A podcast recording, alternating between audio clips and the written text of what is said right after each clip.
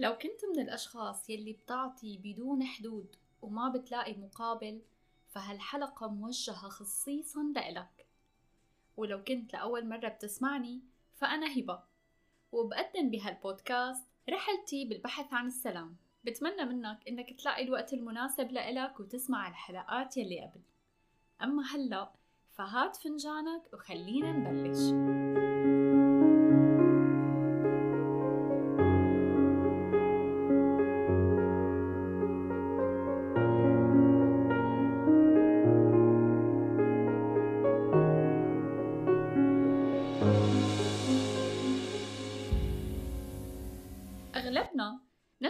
نشأ بمجتمع بيقدس وبيحترم الشخص المعطاء الوهاب المضحي.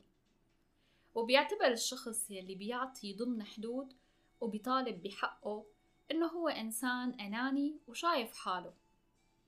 ونحن كوننا أشخاص اجتماعيين نسعى بدون وعي منا لكل عمل بيرضي ضميرنا.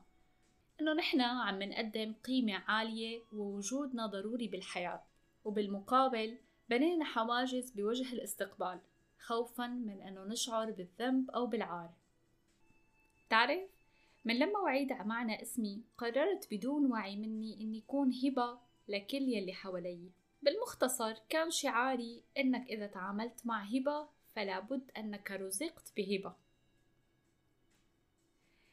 يعني مع احترامي الشديد لنفسي ولكن هذا كان قرار.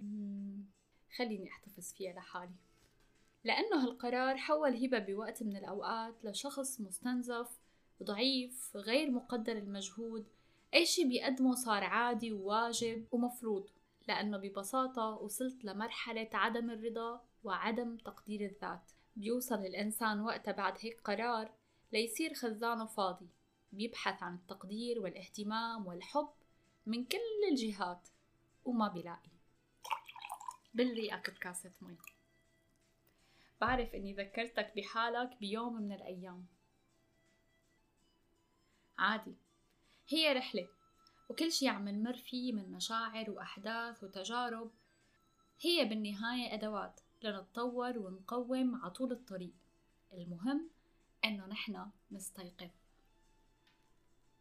نوعا إنه قيمة الإنسان تكمن بوجوده على الأرض بمجتمعه بين أهله وناسه بهالمكان والزمان تحديدا. الخليفة لا يخلق عبث ومهما كان يلي أنت عم بتقدمه ولو أنت شايفه صغير لو كنت عم بتفكر بس وتتنفس وتاكل وتشرب تتعامل مع أقرب الناس حواليك بأقل احتمال أنت عم بتقدم دورك المهم وقيمتك الكبيرة والعالية وبوجودك فقط تعرف ليه؟ ببساطة لأنك أنت لست الجسد ولا الأفكار ولا المشاعر يلي أنت عليها أنت روح من روح الله جاية تجرب تجربة أرضية فهل ممكن تتخيل مقدار الحب يلي رب العالمين بيكن لك ياه؟ وهل ممكن تتخيل المقام يلي وضعك فيه؟ هل فيك تتخيل عظيم الشأن يلي أوجدك عليه لحتى ينفخ فيك من روحه؟ خد نفس تتذكر لما حكيت لك بحلقة سابقة عن الإشعارات؟ الشيء اللي غير مفهومي عن العطاء والاستقبال هو إشعار رسالة من شخص بقدم له كل الشكر لآخر يوم بحياتي وهي الإعلامية الجميلة مها فطوم لما شافت بهبة الشخص يلي عم يعطي ويرفض يستقبل حتى المدح بعتت لي رسالة وقالت لي فيها هبة تعلمي تستقبلي المدح والتقدير واكتفي بكلمة شكرا. انت إنسانة عظيمة وبتستاهلي. عن جد شكرا لك. أنا واثقة جدا إنه هالإنسانة نقية وصافية جدا حتى اكتشفت شي بشخصيتي أنا مو منتبهة عليه إنه بده تصحيح. وإنه هي إنسانة محبة جدا وحقيقية لحتى تقدر تقدم نصيحة لشخص ممكن تغير حياته. وهذا هي يلي عملته فعلا. يلي صار بعد هالرسالة. حسيت حالي قدام مراية كبيرة. كشفت عن مواقف كتير مريت بحياتي. كان فهمي الخاطئ للعطاء والهبات والاستقبال هو السبب. بدي أسألك برأيك شو الفرق بيناتهم؟ وإمتى المفروض نستخدم العطاء؟ وإمتى ممكن نستخدم الهبات؟ وهل طبيعي إنه نحن نستقبل؟ كيف ممكن نستقبل بدون ما نشعر بالذنب والعار؟ كيف ممكن نستقبل بدون ما نخاف؟ بعد ما بلشت رحلتي بإني غير هالمفهوم وصححه وقومه اكتشفت إنه العطاء هو إنك تقدم للشخص وتستقبل منه تخيل إنه حتى العمل هو عطاء أنت عم بتقدم خدمة أو منتج أو عمل وتستقبل بالمقابل أما الهبة فهي أنك تقدم لشخص أو مجموعة أشخاص وتستقبل من الله فقط بزمان وبمكان الله بيختاره. بعتقد إنه هالشي بدنا نكون دقيقين جدا باختيار الأشخاص يلي بتستاهل الهبات منا المفروض إنه يكون في عنا قدرة نعطيهم مدى الحياة بدون ما نتأثر وبدون ما نستنزف ولو كان بدون وجود مقابل. فأنت أدرى. الشي المشترك بيناتهم إنك ضروري كتير تكون عم بتملي خزانك وطاقتك من المصدر الأساسي بالحياة. تعرف شو هو؟ الله. لأنه ما فيك تكون عبد استقبال. يعني إذا أنا عطوني كتير فبكيف وإذا عطوني قليل فبتضايق. لما يكون خزانك مليان من المصدر الأصلي مثل كأنك عم تشحن موبايل من الشاحن الأصلي. رح يشحن بوقت قصير ولكن المفعول رح يبقى وقت طويل كتير. كل شي معرض بالحياة لأنه هو ينتهي إلا رب العالمين فهو موجود دائما. املى خزانك بالقوة والأمان والحب والتقدير والحكمة والسلام من رب العالمين. وأي شي بعدين رح يجيك من برا يا محلاه ولكن مع الحفاظ على حقك وتعبك حتى يكون الشي اللي عم بتقدمه في تقدير. هات كاسة فاضية خليني صب لك مي.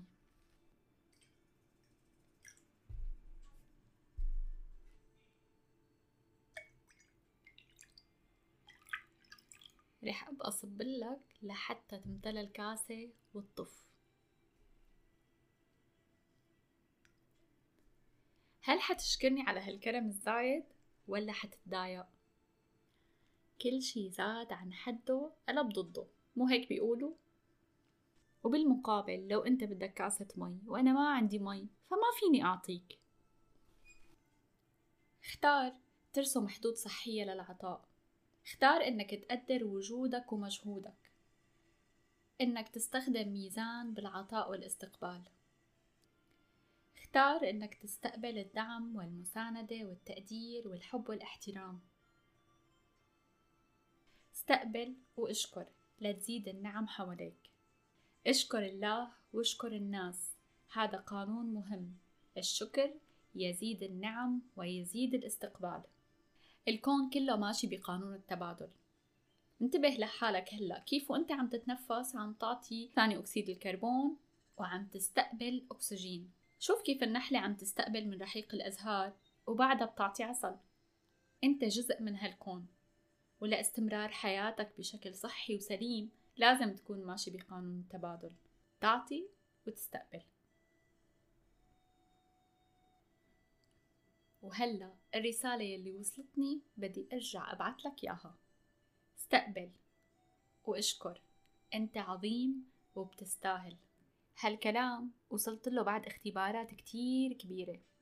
كل ما تخيلت حالي إني فهمت مفهوم العطاء والهبة بترجع بتجيني اختبارات جديدة خاصة لما قررت أعمل هاي الحلقة.